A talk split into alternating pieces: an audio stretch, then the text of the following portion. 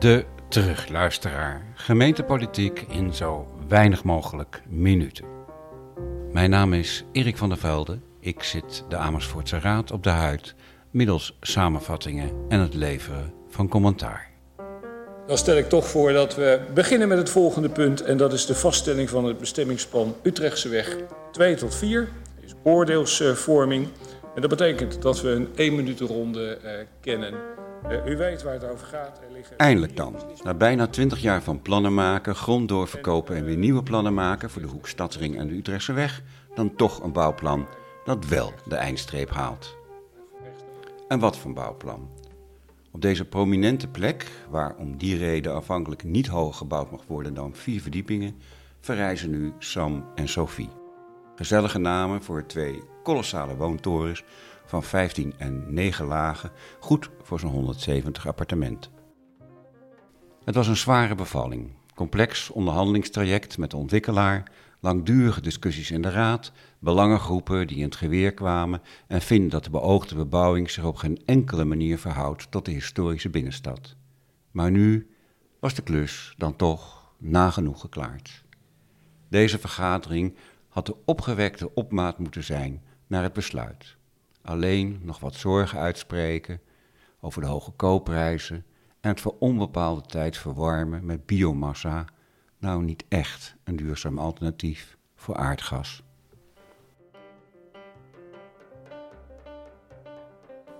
En dan is er opeens een brief. Gemaild naar de raadsleden op de ochtend van deze vergadering, terwijl hij al op 18 januari ontvangen is door het college. Niet zomaar een brief. Afkomstig van de Rijksdienst voor Cultureel Erfgoed, de RCE.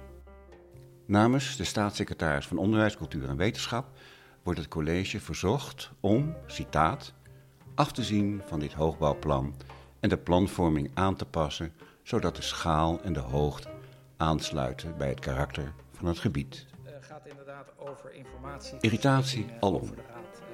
Over de late verzending, dat in de eerste plaats. Ook omdat we in dit dossier al eerder zijn aangelopen tegen uh, onvolledige informatieverstrekking aan de Raad.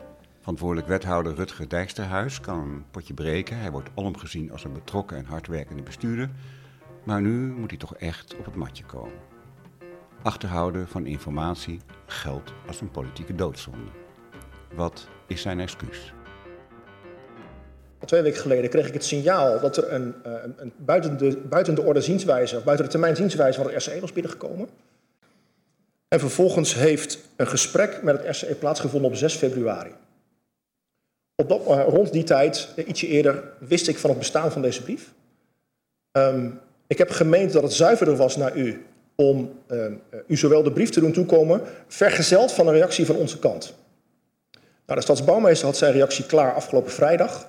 Gisteren, dat is maandag, maandag, het is nu 13 ma maand, maandag 12, heb, had ik mijn stafvergadering waarin ik ook met de stadsbouwmeester heb gesproken van, van is dit nu het, dit, dit, dit is hem dus. Zijn er nieuwe dingen? Jullie, hebben elkaar ook gesproken. Wat was je indruk? Gewoon even meer de zachte informatie op basis van het gesprek. En dat pakketje heb ik naar uw raad willen sturen gisteren eind van de middag. Daar ging iets mis met dagmail en dergelijke, daarom is dat vanmorgen geworden.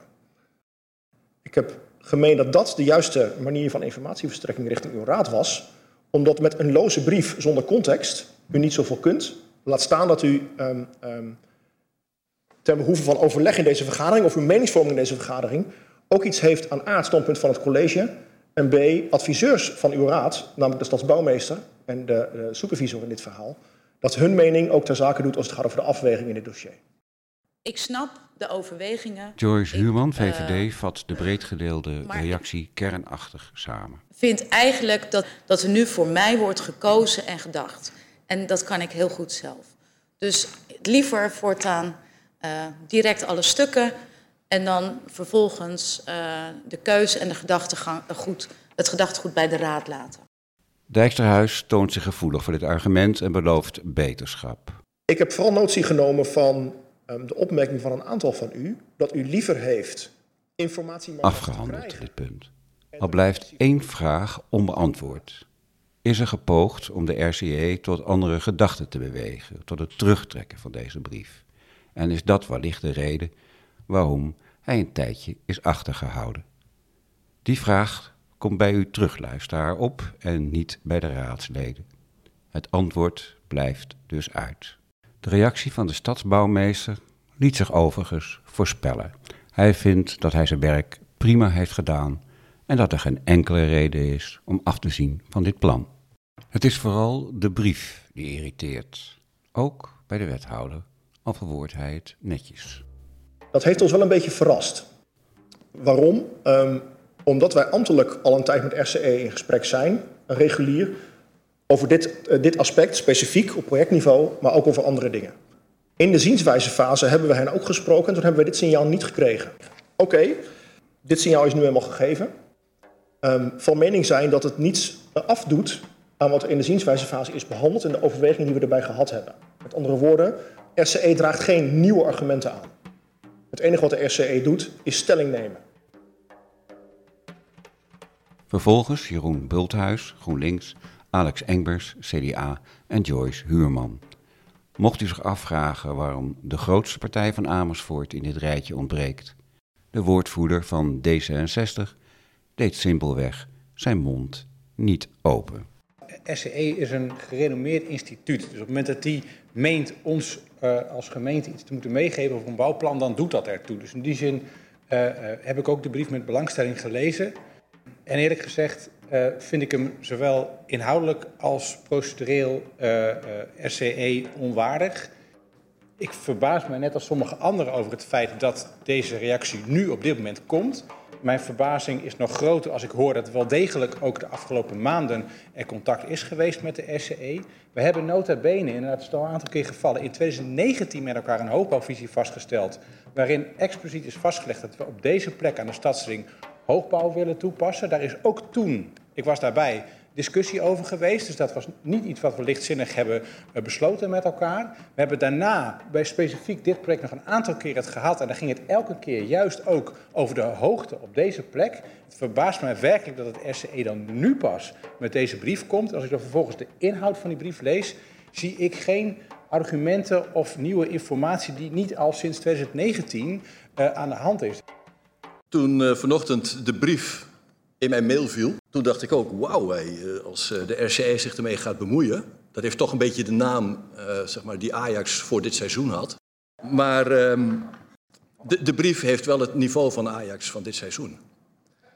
Ik was echt niet onder de indruk.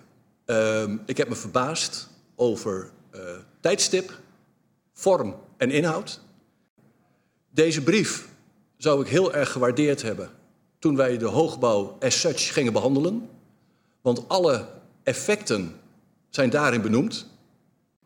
Dit plan is ook uit en te na besproken in ettelijke bijeenkomsten. Hebben we niets gehoord van hen. Dan nog één dingetje.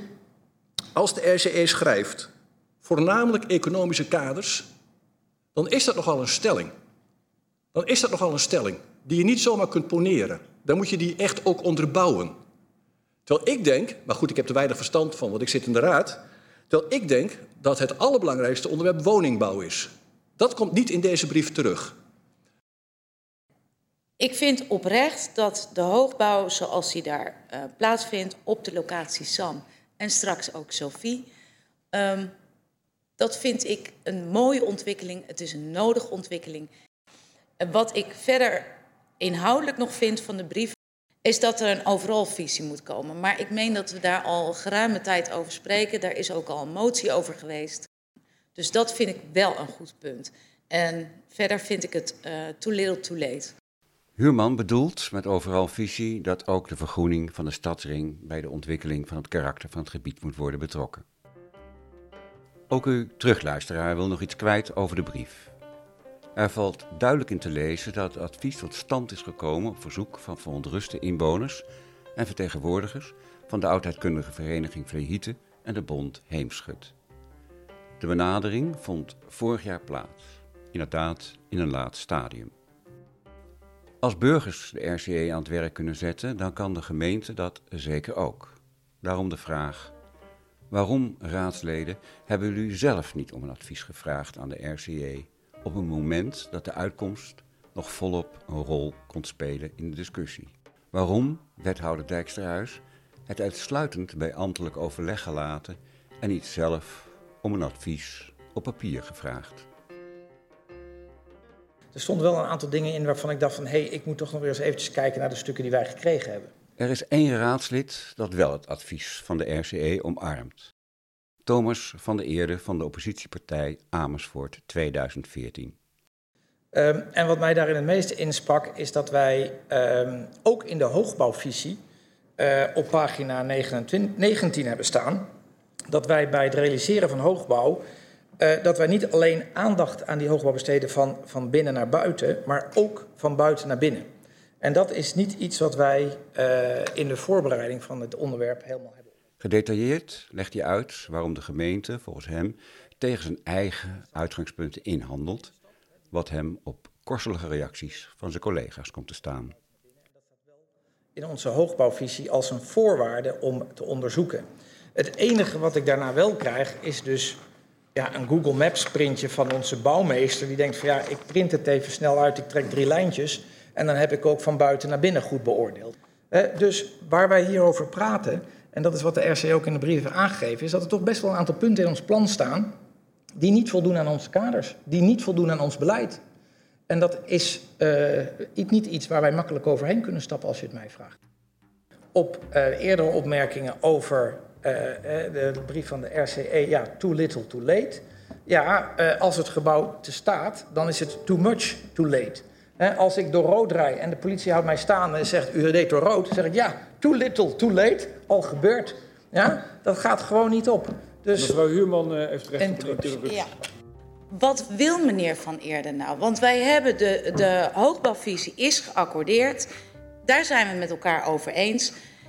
Als meneer uh, Van der Eerde zegt van wij willen niet die De discussie is te gedetailleerd en uitvoerig om hem in dit korte tijdsbestek recht te kunnen doen. Maar het is wel een voorbeeld van hoe serieus en grondig raadsleden hun taak oppakken. Dat geldt zeker ook voor de vorige sprekers. Hun frustratie is begrijpelijk. Je wil niets liever dan iets doen aan de woningnood en dan wil zo'n RCE op het allerlaatste moment dat je toch weer teruggaat naar de tekentafel. Dan kijk ik even rond of er nog anderen willen reageren. En zo niet, dan stel ik voor dat ik de vraag ga stellen of dit onderwerp rijp is voor besluitvorming. Uh, met motie en amendementen graag. Koning.